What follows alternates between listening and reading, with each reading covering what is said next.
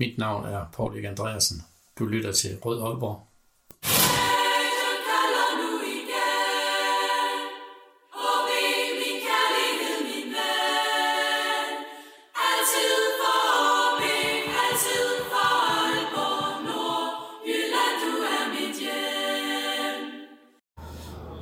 Hej og velkommen til denne første liveudgave af Rød Aalborg, en podcast om OB, produceret af OB Support Club. Mit navn er Lasse Udhegnet, og som jer, der kommer til at høre det her, når det ikke er live, måske kan høre, så er der en masse larm i baggrunden, det er fordi, vi er nede på Street Food i Aalborg, øh, her søndag den 3. november. Der er kamp, hjemmekamp mod FC Midtjylland i eftermiddag, og øh, der er et kæmpe fanarrangement arrangeret af Vesterbyen, og det er derfor, vi er live i dag. Så velkommen til alle jer, der sidder og lytter med. Jeg håber, det er nogle af jer, der lytter til vores udsendelse normalt. Og så velkommen til i dagens anledning i et lidt anderledes panel, end det vi normalt har, fordi det er to debutanter, jeg har med heroppe på, øh, på scenen. Den ene, det er David Vettige. Øh, Velkommen til dig, David. Tak skal du have. Du må gerne komme lidt tættere på mikrofonen. Ja.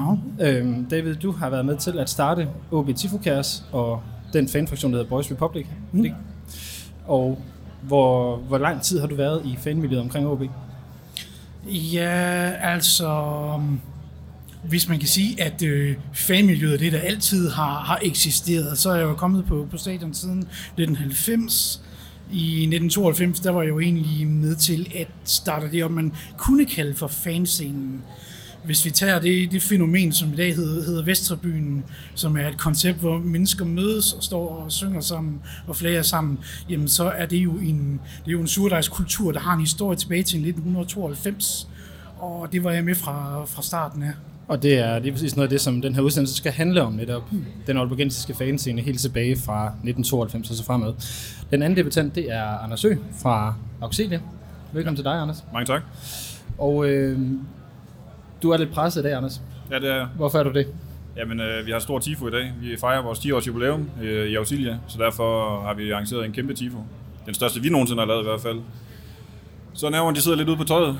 Håber alt det lykkes og klapper, når at, øh, spillerne de går på banen her om øh, nogle timer. Ja, du fik lidt dårlige nyheder før. Hvad var det?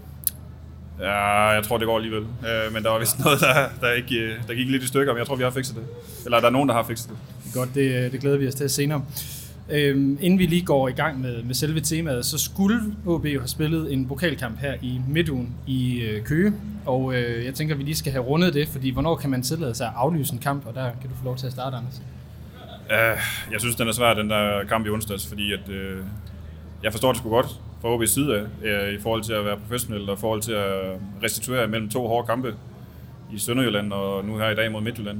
Og med det, det skadeshistorik, vi har lige nu, forstår jeg godt, at man ikke gider at tage nogen chancer og gøre noget som helst. Men på den anden side, så kender jeg også en del, der var taget over. Jeg var ikke selv taget over, men der er nogen, der har taget fri fra arbejde. Jeg synes, at det var sgu, det skulle synd for dem at køre hele vejen til Køge for at finde ud af, at øh, uh, OB ikke gider spille i noget andet tøj. Ja, men sige, i forhold til skader, David, jeg ved ikke, hvor du står i forhold til den her aflysning, men øh, skal man ikke kunne spille uden sit kosttilskud? Ah, altså, jeg kan godt forstå, at HB Køse, Per Rud, han er meget sur og skuffet, eller at han var. Jeg er også sikker på, at han, øh, han godt kan se i dag, hvor åndssvagt han lød. Det, det er overbevist om. ikke? Altså, at, at låne nogle fodboldstøvler. Uh, det første døgn i en ny sko, uanset om jeg har købt den brugt, eller om jeg har købt den fra ny, det er altid et mareridt for foden, ikke? så det er jo et rent eksperiment. Altså, det var noget, man kunne gøre i Jyllandscenen i 1974. Det er ikke noget, man gør i topidræt, det der. Men er det ikke, øh, er det ikke lidt sådan vold mod vores arbejderidentitet i Aalborg, at man ikke bare går ud og gør sit arbejde, øh, og så siger, at det her det var nogle dårlige Nej, der skal være en nedre grænse. Præcis. Selv, med, selv en øh, tømmer har også brug for sin hammer. Altså, det er jo ikke... Vi er alle sammen skuffede. Men hvorfor har spillerne så ikke deres støvler med i deres håndtaske? Det kan du spørge dem om. Altså, og det er de, også et godt spørgsmål. De, de kunne jo lige så godt have siddet i spillerbussen. Ja, men det, kunne, det, det, det gjorde Sønderjysk jo sådan set også. Ja, ikke? Nu er det tilfældigvis fodboldstøvlerne, der sad fast. Men, men kunne man ikke have spillet i lånte støvler? Måske, men... Øh... Jeg havde ikke gjort det. Det havde jeg ikke. Altså, jeg, jeg ved, som øh, David lige siger, at øh, nye fodboldstøvler er et helvede for fødderne. Og hvis vi skal spille 90 minutter, det havde jeg ikke... Øh, og jeg har fået penge for det, og jeg skulle have nogle fans, der forventer, at jeg vandt den her kamp her, så havde jeg ikke gjort det. Jeg synes, Per Rud og alle de andre skulle tage at komme videre. Men derfor synes jeg godt, man kunne kompensere de fans, der har taget over. Det var så måske en væsentlig pointe ja. at tage med, men så virker det til, at, at jeg i hvert fald kommer til at stå alene med og synes, at OB godt kunne have spillet den kamp. Ja, måske. Så det må jeg jo så tage med. Øhm, lad os prøve at så fortælle om, om det her, den her fanscene, der er i, øh, der er i Aalborg, fordi det er ligesom det, vi skal tale om her den, hvor lang tid vi nu kommer til at stå her og tale.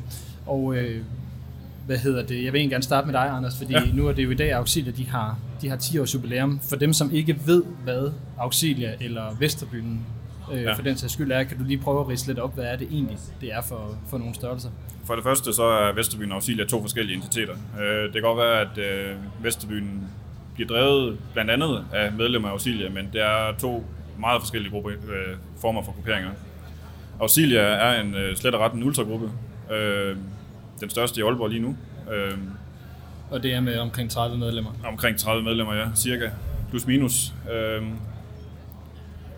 og altså, vi er, vi er en ultragruppe. Vi går op i stemningen på stadion. Det er vores primære formål. Øh, det er ubetinget det primære formål. Det er stemningen på stadion igennem de forskellige virkemidler, vi har, igennem trommer og kapo og, og så videre. Flag, visuel øh, opbakning og ja, vokal opbakning til holdet. Fordi der, nu har du smidt begrebet ultra i, ja. i spil. Der er ja. jo en, en, en, som jeg nødvendigvis forstår, det er en modsætning, der hedder en casual. Hvad er forskellen på de to? Ja, modsætning og modsætning, men det er da to forskellige kulturer i hvert fald. Øh, hvor jeg siger, ultrakulturen er måske mere det aktive stemningsskabende, hvor casual-kulturen måske hvad skal man kalde det, det er jo lidt mere en subkultur, der hænger rundt omkring uden for stadion også, og hvad en måde at være på, og en måde at anskue fodbolden på. Øh, ja.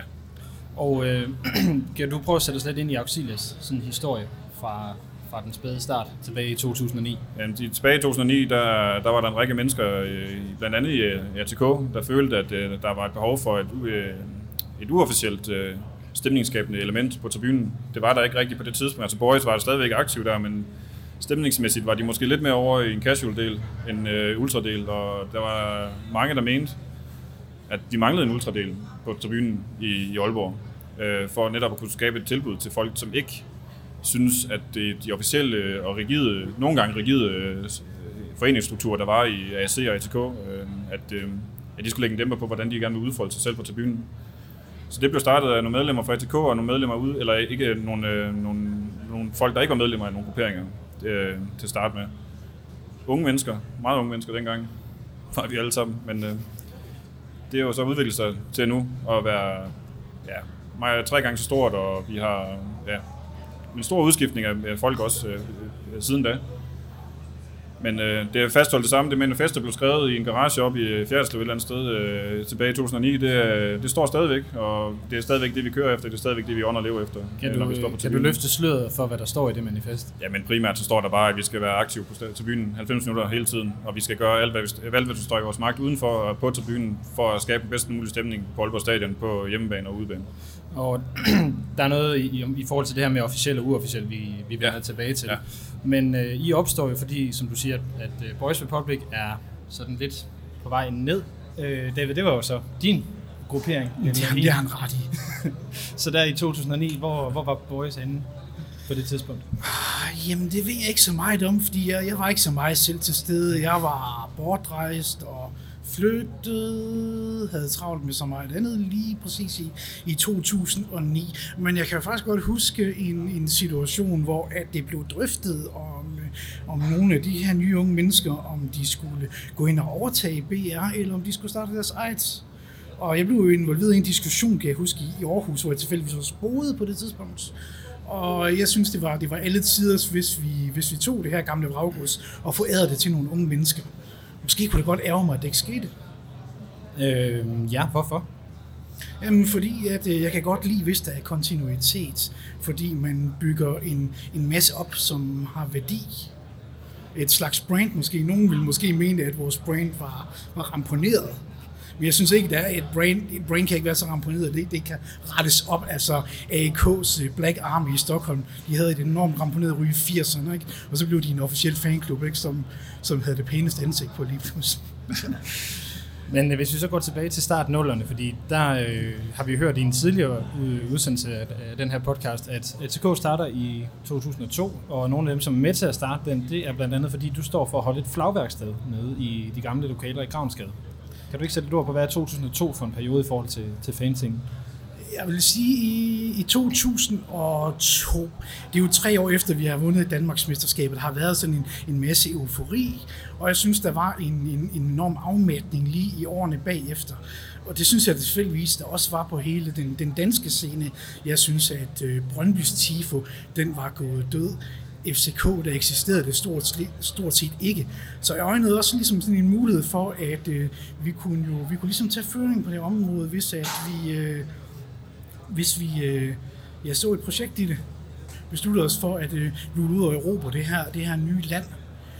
Så jeg gjorde måske noget, der var lidt, lidt usædvanligt i, i, i OB Support Club. Der var måske også en, en, en del oprør i det. Jeg gik måske også lidt imod mod forretningsgangene og, øh, og sagde, nu, nu insisterer jeg simpelthen bare på, at der sker noget. Jeg venter ikke på, at der er nogen, der sætter penge af. Så vi begyndte at samle penge ind. Vi begyndte at købe TIFE-materialer, som var øh, enormt billige. Og så sagde jeg, nu, nu, nu går vi simpelthen bare i gang, nu, nu prøver vi at bevise, at det her det kan noget. Og så efterhånden, jamen, så begyndte støtten også lige så stille at komme, men den var der ikke rigtig fra starten. Det var, det var meget op ad bakke. Så bare lige for at få, forstå det ret, så var du medlem af OB Support Club, da det her det startede? Ja, jeg sad også i bestyrelsen i AAC på det tidspunkt. Ja, og det er jo mange af de her øh, fraktionsnavne og forkortelser, vi kommer til at springe igennem, eller imellem. Så AAC, det er OB Support Club, BR er ikke legetøjsforretning, det er Boys Republic. AUX er Auxilia, og så er der Vesterbyen, og så er der sikkert nogen, som der ligger derude over et eller andet sted og, mm. og ruder. Men Boys Republic, eller BR, er jo så en uofficiel fanfraktion. Så hvorfor var det nødvendigt at have begge dele på det her tidspunkt? Eller starte begge dele? At det er mig, der starter begge dele, det er altså, måske egentlig bare en tilfældighed. Øh, jeg så, der var et behov for at, ligesom at, at samle og mobilisere nogle kræfter uden omkring OB Support Club. Fordi jeg tænkte, at de kunne, de kunne godt skabe noget, noget værdi for, for, for helheden. Øh, så jeg tror, at i den periode var jeg sådan ret fokuseret på, hvad er det fanzine, den går og mangler. Og så gik jeg entreprenant til værks og, og satte nogle initiativer i søen på det tidspunkt. Og hvad var det, eller hvad er det, det uofficielle så kan, som det officielle ikke kan? Det er ikke sikkert, at de, de uofficielle nødvendigvis kan så meget, som de officielle ikke kan. Det er måske et spørgsmål om og det er måske et spørgsmål om, hvad er det, man, man lige går og gør øh, den officielle supporterklub, Øh, altså synes jeg måske det meste af sin historie har, har handlet om en masse praktiske gørmål. Vi skal udgive et medlemsblad, vi skal arrangere en, en bustur. De har faktisk øh, spillet en meget, meget lille rolle i forhold til at, at skabe stemningen. Det er altid noget, græsrødderne uden omkring hele det der byråkrati har, har skabt stemningen. Så det er altid været vigtigt, at vi ligesom har, har kunne mobilisere dem, øh, kræfterne uden omkring supportklubben, og det gjorde OB Support Club ikke i særlig høj grad. Så der var brug for nogle initiativer, der ligesom samlede folk, og også fik dem pisket til, at vi skal afsted til nogle flere udbaneture, vi skal synge noget mere, vi skal samles noget mere. Og, men det, det, det forklarer mig stadig ikke helt, hvad forskellen så på ATK og, og BR så er. Fordi hvis de begge to handler om stemning, var det så ikke nok med den ene? Jamen spørgsmålet er, om, ATK, om, om ASC handlede så meget om stemning. Mm. Ja. Men, men hvis det er det, du prøver at skabe med ATK, kunne man så ikke sige, undlade den anden del, er egentlig det, jeg prøver at finde ud af? Ah, man kan sige, at ATK øh, har jo fra fødslen også altid haft et meget praktisk og struktureret organisatorisk DNA, og måske ikke så meget været sådan et, øh, det har ikke så meget været et socialt samlingspunkt om at mobilisere nogle, nogle vilde utilregnelige masser. det, det var så det BR's formål var. Det kan man måske godt sige. Det er måske en skjulte formålsparagraf. Vi formulerede det selv lidt pænere på samtiden. Anders, hvordan har du oplevet øh, BR på tribunen, før at, at du selv kommer ind, ind og bliver en del af det, det aktive fanmiljø? Øh, det er nok, som du beskriver det der, den utilregnelige menneske, menneskemasse der. Nej, det var, jeg synes, øh, Jamen, jeg, det, det ligger til for, forgang for det øh, auxilier, de er blevet til, synes jeg egentlig. Det blev, det da jeg kom ind i det, kom omkring 3-4 stykker eller sådan noget. Jeg ikke kom ind i Boys, det går jeg jo aldrig, men altså, da jeg kom ind i miljøet der, øh, og hvordan jeg oplevede det der, det var en meget lukket, tæt knyttet gruppe, øh, hvor der var en masse rundt omkring, og der var en masse gruppering rundt omkring, men det var det, kernen på tribunen, det var Boys Republic på det tidspunkt. Øh, I hvert fald i det uofficielle miljø. Og det var jo også på Mallorca Bar, man sad dengang, og hvor turen gamle gik Mallorca Bar. Ja, lige præcis. Og, og det, på den måde var det det centrale øh, fokuspunkt for tribunen, øh, der begyndte at stifte bekendtskab med det. Og det er jo så det, jeg synes, der er lidt interessant, det er, fordi du, du var egentlig lidt inde øh, på i, i nogle af de ting, som vi har sådan diskuteret før det den her udsendelse, at, at, øh, at BR faktisk er lidt en parentes i, mm. i fanmiljøets historie. Ja, det synes jeg, kan man sige. Det bliver mere og mere en parentes, jo længere tid der går. Fordi nu er det efterhånden lang tid siden, og som jeg siger, fanscenen den er 27 år gammel, og, og BR storhedstid, den var ikke specielt lang. Nej, men, men er det ikke nok, hvis man ligesom skubber noget? Fordi som vi kan høre, så står Auxilia jo ret meget på skuldrene af BR. Så, det, Og vi stod selv på skuldrene af et røde slips, altså vil jeg, vil jeg absolut Ja. ja. mene. så nu, nu begynder det at blive rigtig interessant. Fordi hvad er det røde slips? Uh, det Røde Slips var egentlig en officiel ishockey-fanklub, der blev stiftet i, i 1985. Men jeg kan sige, at al, al fankultur til fodbold står rigtig meget på skulderen af det, de skabte. Og de uh, tog også ud og støttede fodbold, for eksempel. Så-. Det var deres skyld, at der var en, en støtte i pokalfinalen i 1987. Det var fordi, de arrangerede en, uh, en utrolig ballet togtur øh, så, så vi står alle sammen, kan man sige, generationerne står på skuldrene af hinanden, og det, der måske kunne ærge mig lidt, det var, at der måske ikke har været den der organisatoriske kontinuitet, som man for eksempel ser i Italien, hvor at... Øh, Ja, Sampdorias gruppe har eksisteret siden 1969. Ikke? Det er som om, at når en generation brænder ud, så dør gruppen. Og det er måske synd, og det er nok det, Auxilia skulle, skulle tale om på. Ja, men det virker jo netop, fordi at, at man kan sige, at BR de fejrede 10 års jubilæum med en, skal vi sige, en nedlukningsfest, som jeg har forstået det. Ja. Hvor Auxilia kan jo så i dag fejre 10 års jubilæum. Ja, uden at Øh. prale, så synes jeg ikke, vi har stået stærkere end nogensinde før i Auxilia, og det, tror, det håber jeg også, at øh, vores tifo og hele stadionsoplevelsen kommer til at vise i dag. Og forhåbentlig mange år fremover. Og forhåbentlig mange år fremover, ja. kan vi så også sige. Men for lige at blive ved den, det her lidt historiske del, for det synes jeg faktisk er ret interessant, så det er faktisk, at der findes et OB ishockey, der vinder nogle mesterskaber, eller vinder et mesterskab i 80'erne, der faktisk er, ikke er skyld i, men er en forløber for, at vi har en, en fanscene på fodboldsiden. Altså al- alle de sange, vi sang, da vi startede, de var jo skabt i skøjtehallen. Ikke? Og skøjtehallen var jo ligesom sådan et, øh, jeg vil sige, sådan et lille drivhus, hvor man først plantede ting, og så bagefter kunne man tage ud og plante ud et større sted. Altså, der skal ikke så meget til for at skabe en enorm stemning inde i en lille skøjtehal, som den i Samsøgade. Men der var også øh, nogle gange 200, der skrålede rigtig højt, så nogle gange så var stemningen fuldkommen fantastisk. Nogle gange blæste fuldkommen bagover, når man kom ind til nogle af de der øh, topkampe. Og, og de var mere, jeg vil sige, utilregnelige end os.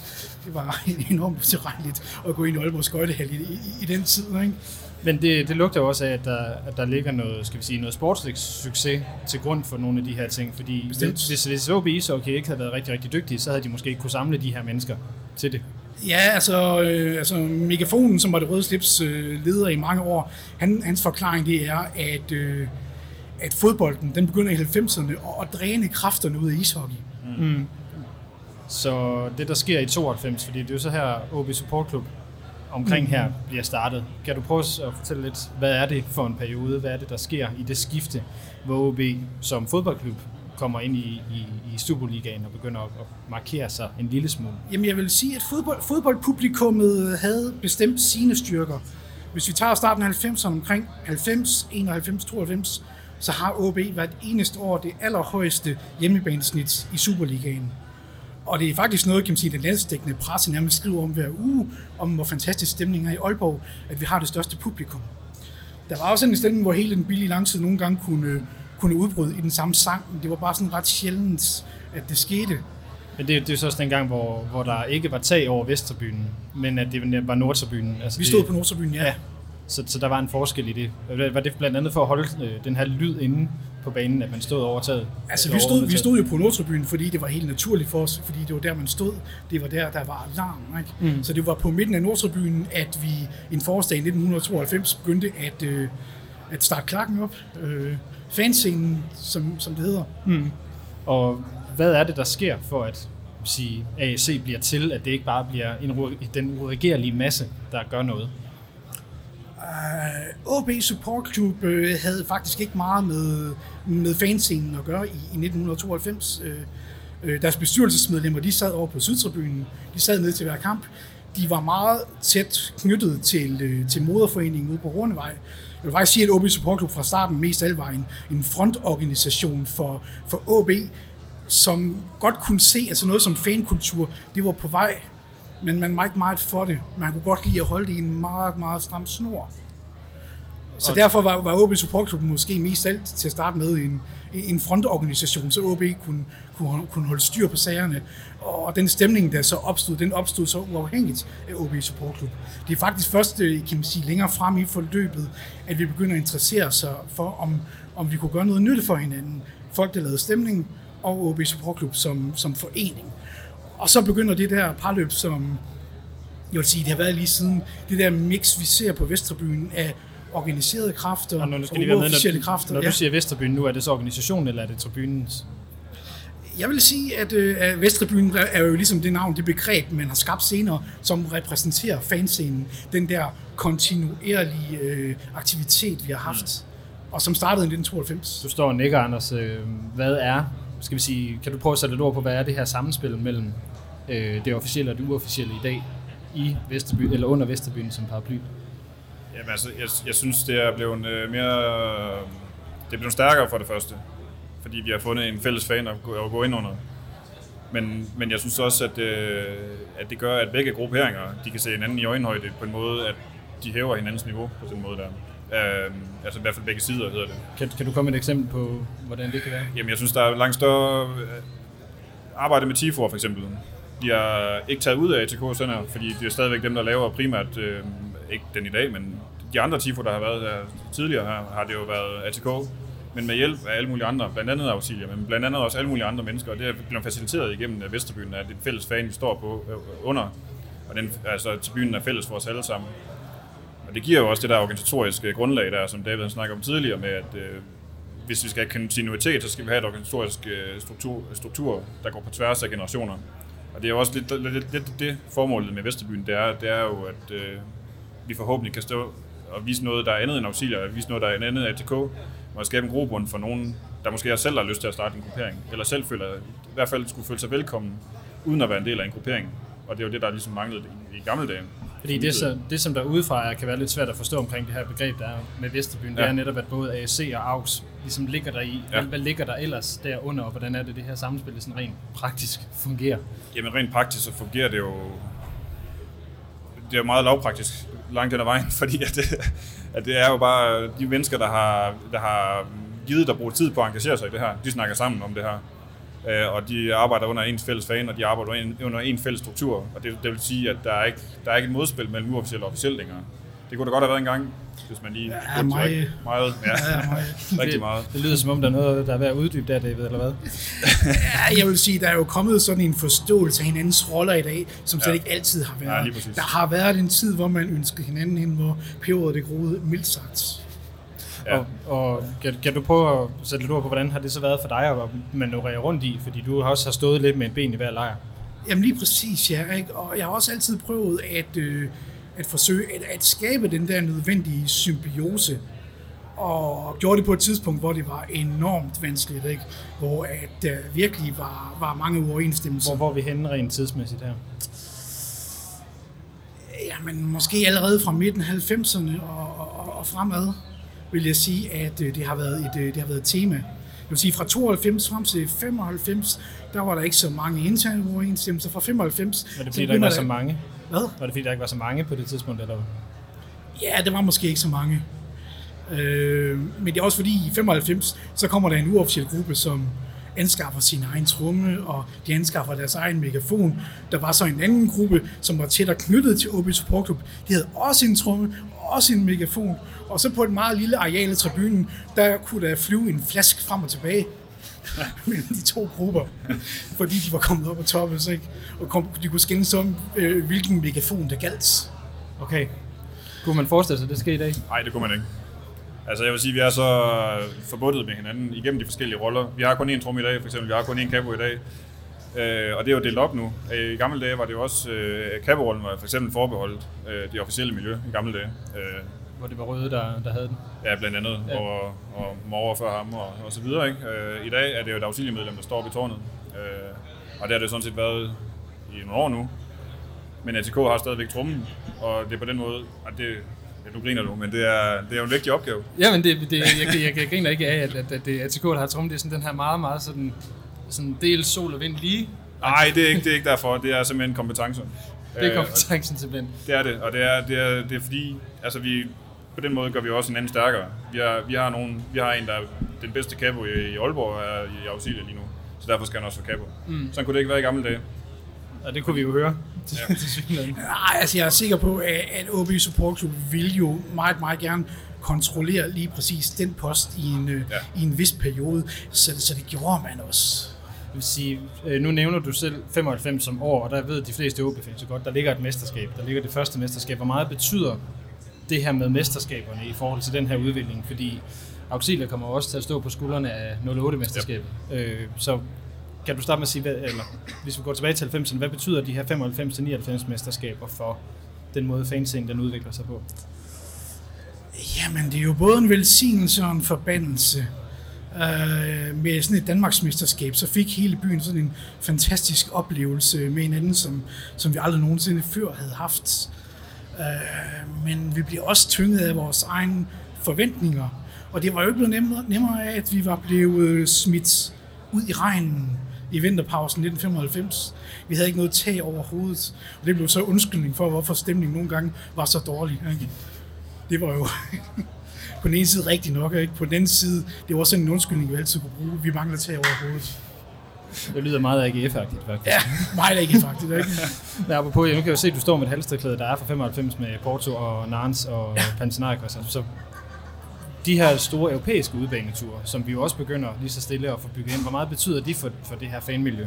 Fordi Det, det har vi jo haft i en af udsendelsen ved Jesper Grønkær, der fortæller, at han ligesom kan huske de her OB-fans, der, der står på stadions i rigtig, rigtig lang tid inden kampene øh, for at støtte holdet. Jeg var, jeg var jo i Frankrig og se Champions League i 95, og for eksempel i Belgien og se Toto Cup i, i 96, i Tyskland Duisburg i 1997. Jeg vil nu sige, at de havde nu nok en, en, en mindre betydning, fordi at der var måske ikke så meget volumen i det. Så mange var vi heller ikke afsted, så jeg vil sige, det, det vigtige, det har nu altid været det, der, der foregik inden for rigsgrænsen. Okay, og hvor har de vigtigste oplevelser i forhold til det så ligget, i forhold til at bygge det her miljø op? Fordi nu har vi jo en dag en kamp mod Midtjylland, hvor jeg vil sige, vores egen fanscene er meget opsat på den kamp. Det er en, der betyder rigtig meget, men det betyder så ikke så meget for Herning. Så hvor har der været det her spil, som har gjort, at, at man har virkelig skulle op sig, kan man sige? Du må også gerne byde ind, Anders, i øvrigt, hvis ja. Ja. du har et, øh, en på den. Ja, lad os da høre en vinkel på det. Når det ikke kan blive min. Jamen altså, hvis, Ja. det virker ikke som om den er der. Eller der lige er Nej, det det, eksempel. det, det, det, det, det, det er et lidt ufokuseret spørgsmål, som... Øh, jeg vil sige, øh, der galt nok lidt det samme som i dag med, at bare det er et vedligeholdsstemning. Ikke? Det er jo ikke sådan, at den fantastiske stemning, du skaber i en kamp, den øh, ligger som en bund næste gang. Det kræver jo faktisk utrolig meget arbejde at vedligeholde sådan en stemning. Ikke? Lige pludselig så er der 30 mennesker til den næste kamp, og det øges regner, og det hele er op ad bakke, og alle dem, der står der, de skal scrolle højt for overhovedet at blive hørt. Ikke? Jamen, det- Så man kan sige, at det er et kontinuerligt vedligeholdelsesarbejde. Præcis, det er jeg fuldstændig Ja. enig med dig. Men, men det, det, det, der også lå mit spørgsmål, det er, at, at ligesom med mesterskaberne, hvor man sigter efter nogle peaks, Okay. så, så, så må der også være nogle modstandere, hvor man siger, her var det fedt, her var der noget, der virkede. Har, har man, har, vi har Herning i dag. Ja, altså jo, det er, der burde jo være bedre stemning i dag, end der, burde, øh, end der var til sidste kamp mod Odense, fordi der er større had mellem de her to klubber her. Mm. Eller mellem os og dem i hvert fald. jeg ved ikke, hvor meget de havde også, men det altså, de jo selv om. i, i 90'erne, der var det jo altid, det var altid Brøndby-kampene, som ja. Ja. jo trak folk af huse. Det var sådan, at man startede med at drikke 10 timer før, at kampen den startede, og, og folk gejlede hinanden fuldstændigt op. Men jeg vil, jo jeg vil ligesom ikke mene, at det har haft en stor betydning for at bygge fankultur op, Nej. fordi det er også været de kampe, som bare øh, trækker røv og krat til sig. Ikke? Så, men, men var det ikke der, hvor man sådan kunne, kunne sælge noget af den her fankultur? til Jo, det der men hold, måske, der kom- men, kom men altså, vi så det jo eksempel i den her sæson her bare, hvor vi havde 11.000 hjemme til FCK. Næste, næste kamp, hvor mange var der der?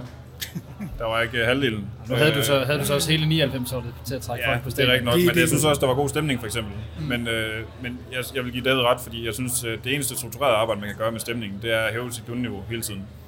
Og det kan du ikke tage, udgang, du kan ikke tage udgangspunkt i peaksene, men du kan kun tage udgangspunkt i dit, dit lave niveau, og så prøve at forbedre det på den måde. Fordi peaksene, de kommer. Der kommer en pokalfinale, der kommer en pokal semifinale, der kommer en kamp mod Brøndby, der kommer en kamp mod Midtjylland, og der kommer en slutspilskamp mod AGF her til sidst, og alle de der ting der. Og det er rigtigt nok. På det punkt, der skal vi peak hver gang. men øh, alle de andre kampe, der skal vi hæve vores bundniveau mere, og det er det eneste, vi kan Jeg tror på. absolut, det er forskellen på at se det udefra og stå ja, indenfra. præcis. Det er, at når man ligesom er inside i jobbet, så har man fokus på bundniveauet. Mm. Det der med peaks, det er bare noget, der kommer, hvis det kommer. Ja, og det er dejligt, når det gør. Synes men, ikke? frygtelig Så man kan sige, det, af, det, af, det afgørende har altid været hårdt arbejde. Det, det afgørende har altid været, at der har været nogen, som har haft en vilje til at fortsætte den her kontinuitet. En efterårsdag i 1997, Per Vestergaard er træner. Vi spiller af helvede til, at der alligevel står nogen og synger og, og holder fast og siger, det her det insisterer vi på. Så kan, kan du genkende det med en, en vinterdag i 2010 med Magnus Persson som træner? det kan jeg godt. Der er mange af de der vinterdage. Der var også en vinterdag med Lars Søndergaard, som træner nede i Horsens, og det, ja, de kommer jo også, de der dage der. Hvis vi lige, hvis vi lige går tilbage øh, til de sportslige peaks og hvad de Ja, betyder, fordi hvis vi skal ind på omkring starten af Auxilia, hvad Ja. betyder det her mesterskab og den europæiske kampagne i 8-9 for, at der bliver et Auxilia? Jamen, jeg tror, det betyder meget. Altså, jeg var jo, jeg var jo en del af fanscenen før Auxilia kom på også, øh, og jeg var faktisk ikke med i Auxilia til at starte med. Men øh, altså for mig, der betød det rigtig meget at komme ud i de der især 07-turene til, øh, til Tottenham. Den, kan, den kommer jeg aldrig til at glemme. Og de efterfølgende ture i Europa også, selvfølgelig. Men øh, det er klart, at et mesterskab, det tiltrækker nye folk til, og en lang periode, hvor alting er fedt, det gør også, at folk de bliver ved med at komme der. Og der er mange unge mennesker, det er mange af de medlemmer, der er i dag i Auxilia, de er også, der er også nogen, der kommer efter 14 for eksempel. Og det er jo det er klart, at de der peaks der, de der ultimative peaks der, de har en indflydelse på, hvordan fankulturen den kommer til at bestå. Men effekten den kommer også til at tage af rimelig hurtigt. Det vil jeg mene. Hvordan har I mærket det? Øh, altså, 2000, jeg synes faktisk, at den organiserede fankultur, den har ikke øh, blevet særlig mærket af, at det har været nogle magre år her på det seneste. Fordi jeg synes, kernen har egentlig vokset, og det synes jeg, at det arbejde, som både Auxilia, men også ATK og især Vesterbyen som en helhed, har arbejdet med, at, at vi har en kerne, der bliver større og større, som ligger uden for grupperingerne også. Men det er klart, i 15 og 16 var det måske lidt sjovere at gå på stadion, end det var i 17 og 18. Hvis for, i hvert fald for den neutrale tilskuer. Men ikke kun på grund af spillet, men også på grund af, at der var mange flere på til, tilskuerpladserne. Øhm, ja, det er sådan, jeg, det, ja, det tror jeg, det er sådan, man kan mærke det mest. Men altså, det kan også være den negative peak. Er også, I 2011 så vi også en peak, i tilskuertal i hvert fald. Men med, med spillet, hvor, hvor det tværtimod ikke peakede. Jamen, der, var, der fandt man vel ud af, hvad det var, der var vigtigt. Præcis. Og det var, at der var et OB i, i Superligaen. Ja. Øhm, David, det her det er måske sådan et lidt unfair spørgsmål, fordi hvis du havde løsning på det her, så ville der nok mange foreninger, der ville lytte til. Øh, men hvordan er det, øh, skal vi sige, med at holde, fastholde de her medlemmer, og ikke fastholde de her medlemmer? Øh, fordi BR og går jo i opløsning med tid. Hvorfor er det, at det ikke er, er, BR, der er Auxilia i dag? Eller forstår du, hvad jeg mener? Man kan jo sige, at den force, der ligger i, at man er holdt sammen med noget socialt lim, det er noget, der har en meget stærk mobiliseringskraft. Men svagheden, det er netop fravær af, af hård struktur.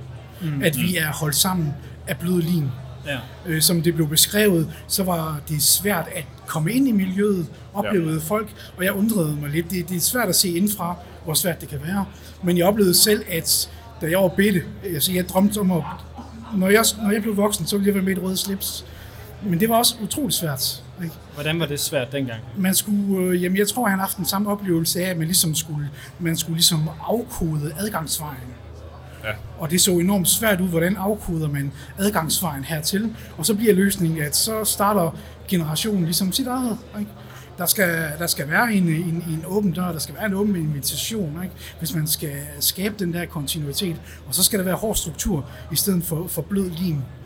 Fordi at jeg, altså det er jo en af, jeg har jo aldrig været en del af de her skal vi sige, øh, fraktioner, men jeg kan huske boys fra, fra tribunen. Altså det netop var de der lidt hårde gutter, der stod deroppe bagved et eller andet sted. Øh, men som også var skræmmende i den forstand, at det var ikke nødvendigvis et miljø, man jeg som, som ung teenager synes, jeg skulle ind i. Øh, så hvad er det, AUX er lykket med? Øh, Lykkedes med, hedder det, i den sammenhæng. Ja, det er jo et godt spørgsmål, for jeg har jo ikke kendt Boys Republic indenfra på noget tidspunkt. Men, Men, men, men så kan du fortælle, hvad I har gjort. Ja, lige præcis. og det øh, synes jeg er et, øh, et kontinuerligt højt ambitionsniveau blandt vores medlemmer, og en talesættelse af vores ambitionsniveau. Øh, det tror jeg også, de gjorde i Boys, men øh, hvor Boys måske til sidst i hvert fald var meget mere socialt præget og social sammenhængskraft, der gjorde, at de hang sammen. Hvor vi i Auxilia, vi har prøvet, vi har det også social sammenhængskraft, uden tvivl, øh, men også sørget for, at øh, det bliver mere end det. At der bliver også et, øh, professionelt er måske nok for meget sagt om en øh, hobby, der handler om at drikke bajer til fodbold, men altså det er jo... Men, øh, men at holde en, en vis standard, og så have en øh, kontinuer- kontinuerlig udskiftning og en øh, god rekruttering af unge mennesker ind. Øh, fordi der var ikke så mange unge mennesker til sidst i Boys Republic, det kan vi godt blive enige om. Men hvad er det så, I gør rent rekrutteringsmæssigt for at få folk ind? Jamen altså, vi, vi kører jo med de her åbne ture her i Vesterbyen, og altså, øh, hvis folk de kommer med på udebanetur, så har de jo ligesom tikket en af boksene af allerede der, for at være medlem i Auxilia. Mm. Og hvis man er en del af det, jeg synes det er fedt, øh, det stemningsmæssige, vi skaber, og det sociale, vi har, altså hvis, hvis man kan se sig selv i det, så er man jo lang vej allerede der. Og så handler det bare om aktivitetsniveau. Og hvad man, øh, altså, ja, Så det handler sådan groft sagt om, at hvis man tager med på nok udbaneture, og så får båret nok flag og får øh, stået og kigget lidt, lidt længe, længselsfuldt på trummen, så kan man godt få lov at være med. Ja, men altså, som sagt, så det handler om at skabe stemning. Hvis man er med til at skabe stemning, så er man også en lang vej allerede der. Mm. Og ja, det er jo det, det handler om for os. Så derfor skal det også være de nye medlemmer, de går efter. Men vi, vi prøver også at være, vi prøver, ikke altid det lykkes, men vi prøver at statuere et eksempel igennem vores adfærd. Mm.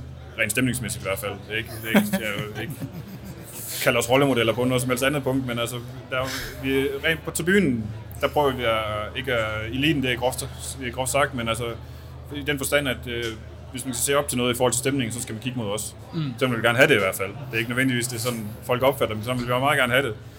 Og hvis øh, folk de selv, selv kan se sig i det der, så skal de være velkommen. Altså hvis man skal være åben over for nye teenager, jamen så skal man jo også være en slags rollemodeller. Ja. Jeg mener, hvis nu at øh, den sociale gruppe har vedtaget, at det er i orden, at det flyder med amfetamin i bussen på udebaneturene, jamen så er man nødt til at leve sådan et esoterisk liv. Så kan man ikke bare gå ud på skole og, og invitere børn til at komme med. Det kan man jo ikke. Det kunne godt være, det ville, øh, ville blive lidt problematisk i hvert fald. Så var det det, der skete i Boys, eller hvad? Det, det erindrer jeg ikke. Nej, godt så. Hvordan kommer vi videre fra den her? Det kan jeg ikke lige lure. Nej, men han har en point i det der, at det kan også godt blive for voldsomt. Altså, Ja. det, øh, fordi indgangsvinkel, den kan godt blive for grov. Altså, mm. sådan en ting, der at komme ind i en bus, hvor det flyder med alle mulige ting, det kan godt være virke have en skræmmende effekt for rigtig mange mennesker. Heldigvis, kan man sige. For vores øh, lovlydige borgere her i Danmark her, det er jo en skræmmende ting at komme ind til det der. Mm. Og, og sådan skal det jo ikke være.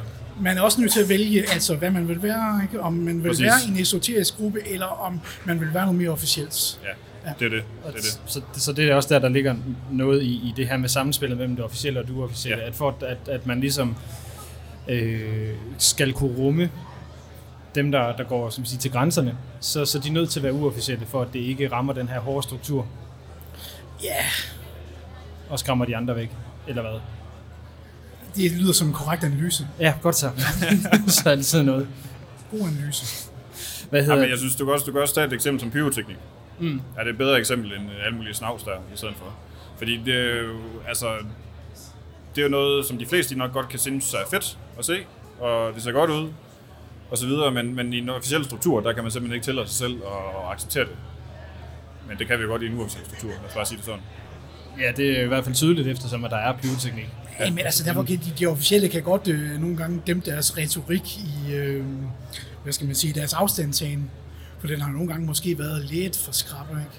Altså man kan jo sige, det der, i, ved jeg i hvert fald i forhold til AAC, regi, der står der jo i øh, Ja. nogle af forhold, hvad de vedtægter, man har, man gerne vil arbejde for, at pyroteknik bliver lovligt. Så man har i hvert fald et grundlæggende standpunkt, der hedder, at man gerne vil, at det er en del, der skal være, at noget, der skal være på fanscenen. Ja. Så at myndighederne så er uenige, det er så en, en anden diskussion. Ja, men py- pyroteknik er også kommet til at be- betyde noget helt andet i Ja. dag, end det gjorde i gamle dage. Altså i 90'erne, der brugte man pyroteknik, fordi man anså det for at være festligt. På et tidspunkt, der blev det et, øh, et, øh, et magtsymbol, ikke? et symbol på, at man kunne kontrollere sin tribune. Mm. Altså pludselig betyder ja. det samme romerlys noget helt andet. Ikke? Det, øh, det har pludselig en, en specifik betydning. Ja, så, så det får den her skræmmende effekt.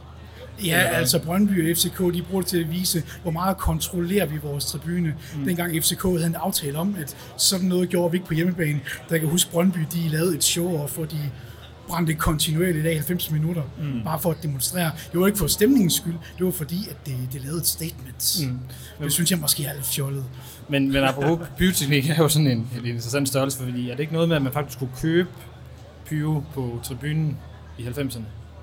Uh, jo, det var en, uh, jeg skal ikke hænge ham ud, men han gik jo ind i, uh, ind i uh, skibsprovianten i Borgergade. Den lå lige over for The Wharf i gamle dage. Og så købte han en pose fuld, og så gik han forbi indgangen, og kontrolløren han kiggede ned i posen og sagde, du ved godt, du ikke må det der, men skub nu ind med dig. Og så blev der solgt derinde. Men øh, Så det er det ikke i dag i hvert fald. Nej, det, øh, det, må, det må man sige, det ikke er. Men hvad hedder det? Der har jo netop, apropos Pyroting, har der også i, i vores historie været nogle ret øh, hæftige øh, kampe. Der er en Brøndby-kamp heroppe, som nærmest bliver aflyst på grund af pyro. Det blev Blev, aflyst. blev, Blev, aflyst, blev aflyst. Ja. Så det har jo været en, virkelig en ting. Men øh, det har simpelthen været skibsprovianten nede i Borgergade, der har sørget for det. Fremragende. Hvad hedder det? Det er faktisk mit første minde overhovedet på stadion. Det er Romerlys kamp. Den aflyste kamp. Ja. Hvad hedder det? Vi, øh, vi har jo været så heldige nu, at Spar Nord har ville afgive Mm. øh, sponsornavnet af, skal vi sige, fantribunen nede, øh, i hvert fald den vestlige tribune. Øh, og jeg ved, at der på nuværende tidspunkt ikke er truffet en officiel beslutning om et navn. Nej, ikke helt. Altså, jeg, ikke jeg, har, ud i hvert fald. jeg har i hvert fald en ret en kraftig formodning om, hvad den kommer til at hedde, men øh, Ja. ja. hvad, David, hvad forventer du, den kommer til at hedde? Ja, men jeg tror, at man måske skal lade det blive lidt ved det subtile og sige, jeg tror ikke nødvendigvis, man skal smøre navnet ud over det hele. Jeg synes, at ting altid har haft bedst at hedde noget i folkemunde. Så, så det bliver det, som vi kalder den i folkemunde, der bliver det officielle navn. Uh, hvis man nu for eksempel tager Stratford Ends i, øh, på Old Trafford, som er en, en legendarisk tribune, uh, så står det ikke smurt med graffiti-bogstaver. Det, det står uh, ganske diskret på et, et, et pladeskilt mellem uh, Upper og, og Downtire. Der står der Stratford Ends, og så står det jo også skrevet med, med hvide sæder på røde.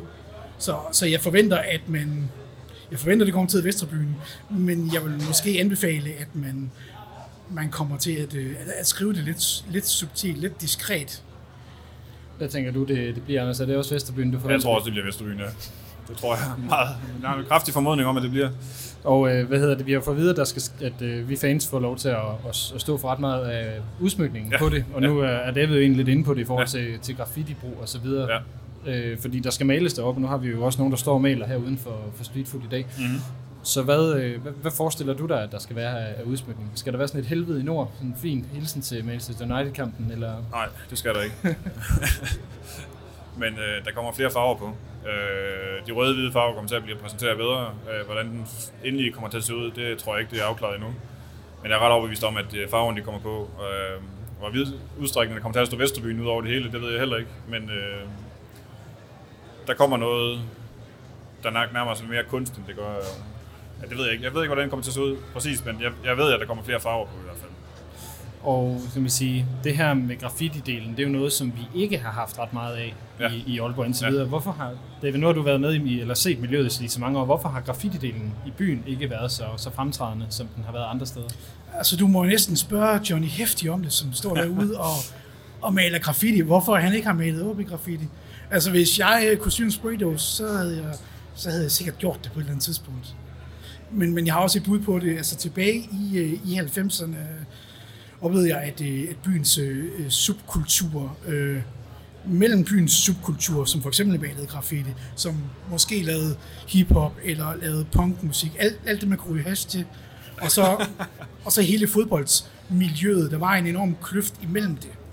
Ja. Jeg oplevede, at når jeg gik i, øh, når jeg for eksempel, hvis jeg for eksempel gik i byen en lørdag aften på Tusindfryd, hvor jeg og høre noget doom metal, hvis jeg sagde til folk, en morgen der skal jeg ud og se noget fodbold, så ville folk blive et stort spørgsmålstegn.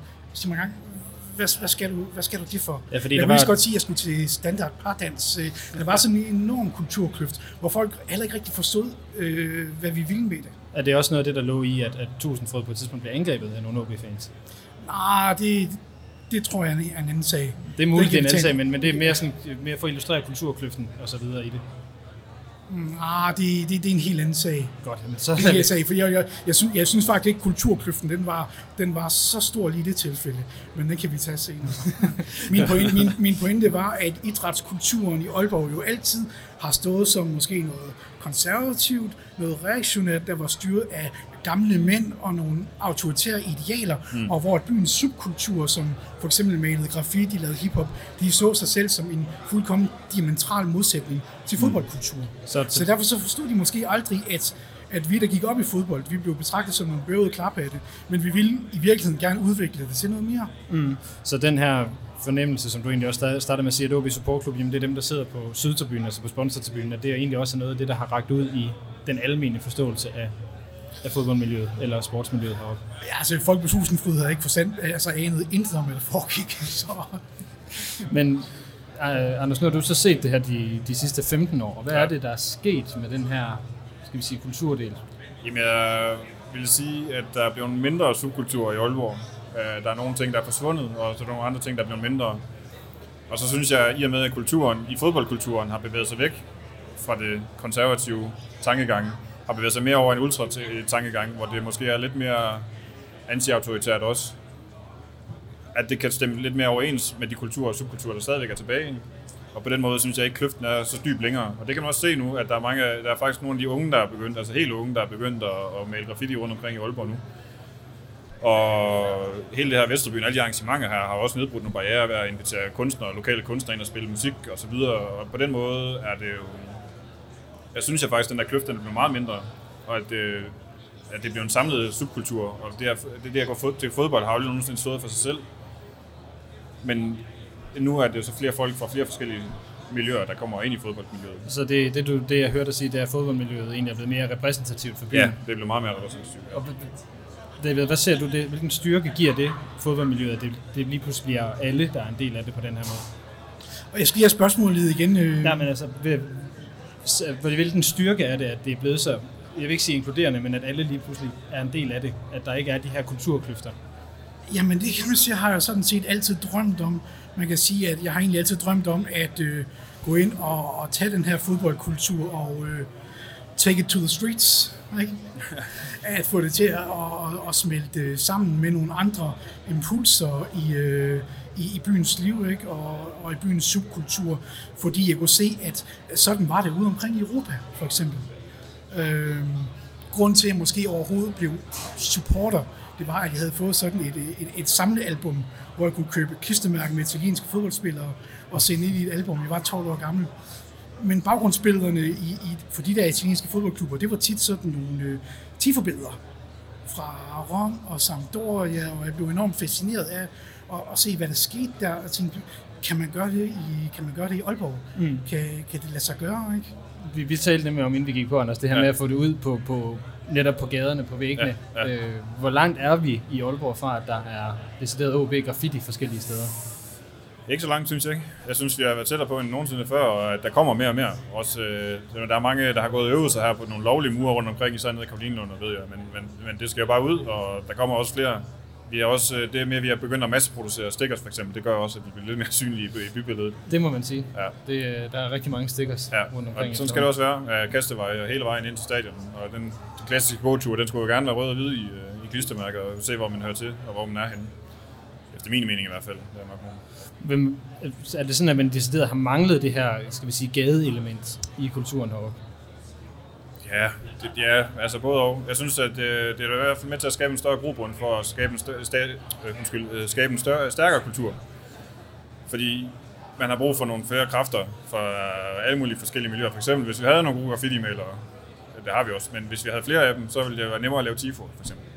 Hvis vi har nogle flere, der er gode til at tegne, så ville det, altså, de, de der ting, de bliver nemmere og vi har nogle gode organisatorer fra de forskellige subkulturer, fra de forskellige spillesteder, så er det nemmere at lave sådan et arrangement som det her. Mm. Og alle de der ting, der, hvor man kan udnytte nogle flere kompetencer, fordi der er simpelthen et større udvalg at vælge imellem. Mm. Lige et spørgsmål til dig, David, så, fordi det er jo en af de ting, som vi hørte øh, Christian P. fortælle om i, i vores ATK-udsendelse, det her med, at man jo sad og øvede sig på en masse flag i starten af ATK-tiden. Hvorfor tog man ikke det ud på gaden? Hvorfor holdt man det til flagene dengang? Det er noget andet. Så, så skulle man tage, noget, så skulle man tage sådan et overhead-projekt som med, øh, med transparent hardware ude på gaden. Ikke? Så skulle man også have en elgenerator med 220 volt i. så du mener, at man var nok blevet opdaget, hvis man havde gjort det? Man var sikkert også blevet opdaget. så det er nok der, den ligger. Nu, har vi, nu nærmer vi os snart, at vi har talt i, i 50 minutter. Nu tænker jeg, vi, er der nogle ting, I mangler at sige omkring det her fanmiljø? Nogle pointer, vi ikke har været omkring? Nej, det tror jeg ikke.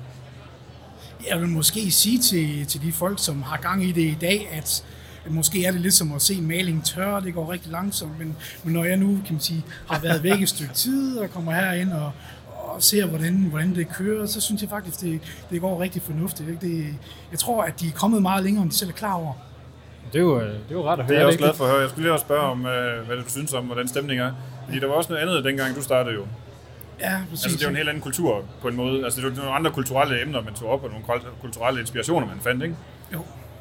Øhm, er det en positiv ting, at det blev anderledes end dengang? Eller er det... Hvad synes du? Det er altså, jeg synes, man gør rigtig meget af det, vi øvede os på, men som vi måske ja. havde vanskeligt ved at manifestere. Det har taget lang tid, og, og, men, men det lønner sig at, at være vedholdende. Kan, Så- kan, så kan, det du, kan du komme med et, et konkret eksempel på, hvad det kunne være, der ligesom er blevet manifesteret nu, som, der er, som ikke lykkedes for, for, for 20 år siden? Nej, jeg tror måske bare, det er en overordnet atmosfære. Okay. Ja. Det er det der som det mystiske begreb, vi har på, på scenen, vi kalder for mentalitet. Ikke? Øh, den mærkede man måske ikke ret meget i gamle dage. Ikke? Jeg synes, jeg mærker en masse det der, som vi, vi søgte, det der, vi kalder for mentalitet, hvad Ja. ja. er for noget.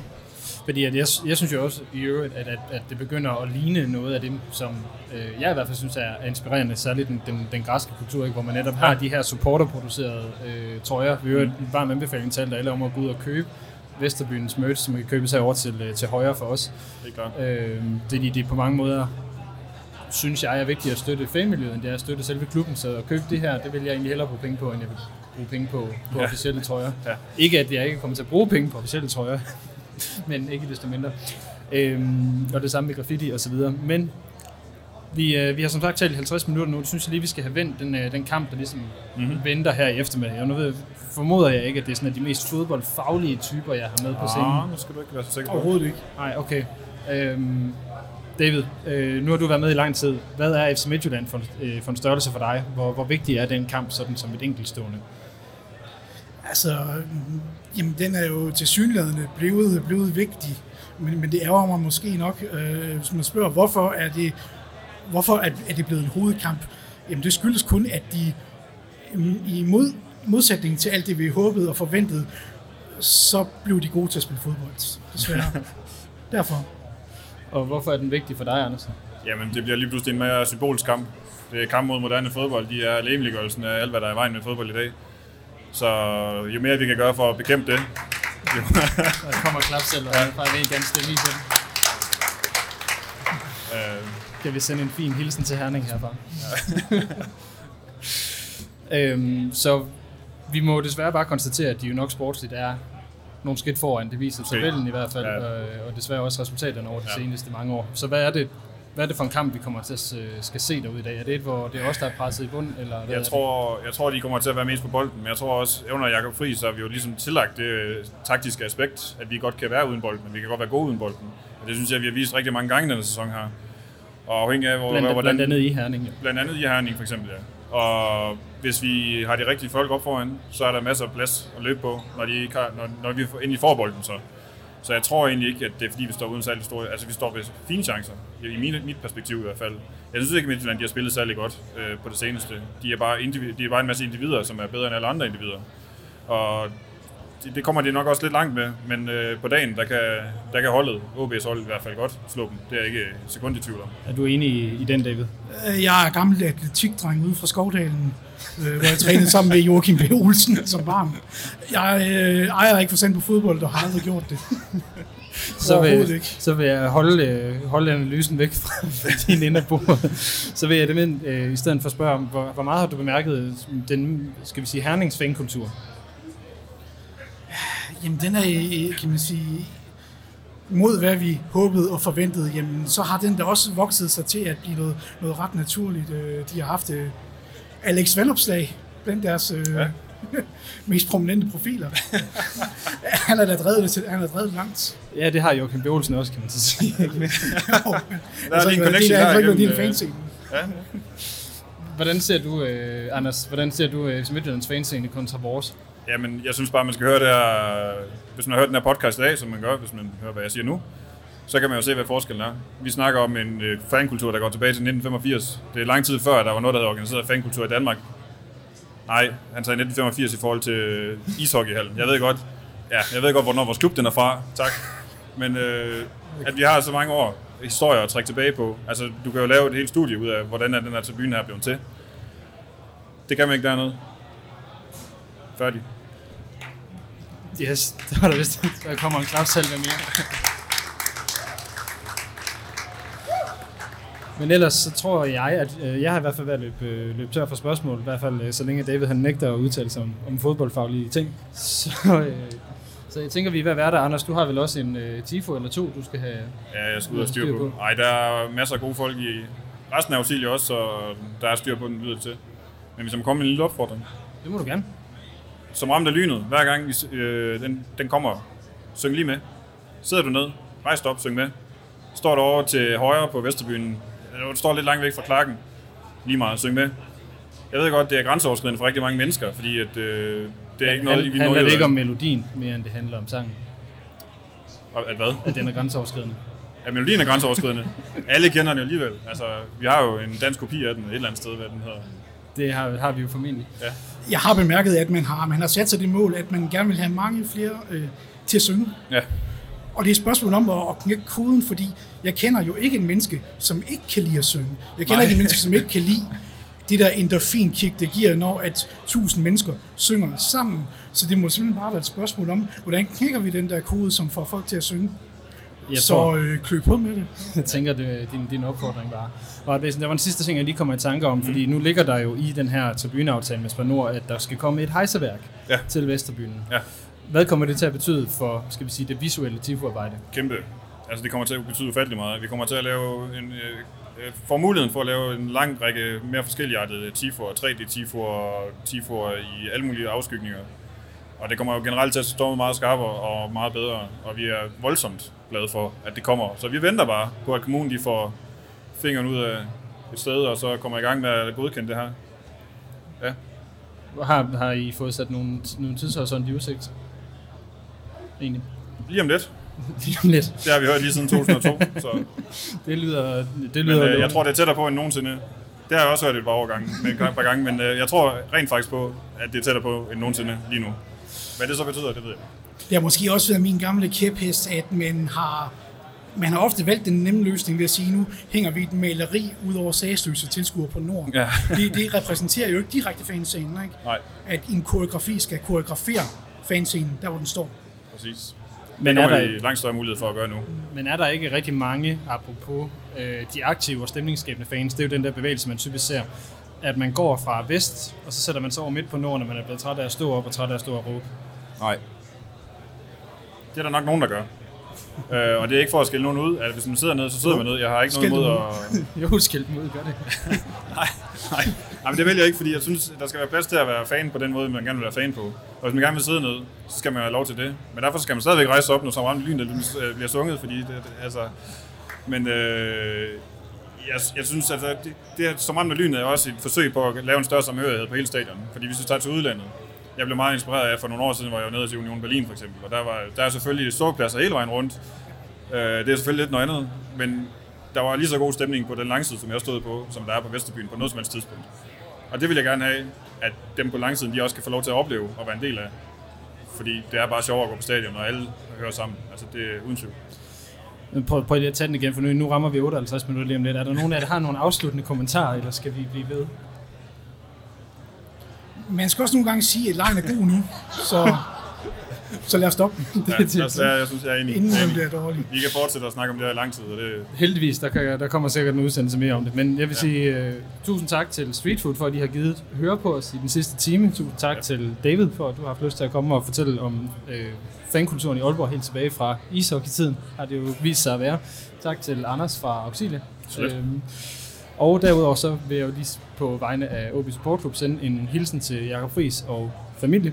Mm-hmm. Øh, og jeg vil lige sige, at øh, i forbindelse med kampen her til dem, der sidder her i, i, på Street Food og ikke ved det, så har OB Support stand et eller andet sted, hvor, øh, herovre i højre. yes, derovre, hvor der ligger en OB-trøje, hvor man kan skrive sit navn på, som den vil blive overragt til øh, Jakob Friis og familie ved lejlighed. Det er som at, når vi fans får en, skal vi sige, en trøje med autografer, så øh, kan vi give noget tilbage til, øh, til familien Friis i den her, i den her svære situation. Ellers så er der ikke øh, andet tilbage for mig, og også at sige en rigtig, rigtig god kamp i eftermiddag. Og øh, tusind tak for, at I har givet lidt med. Vi lyttes ved igen. Tak for nu.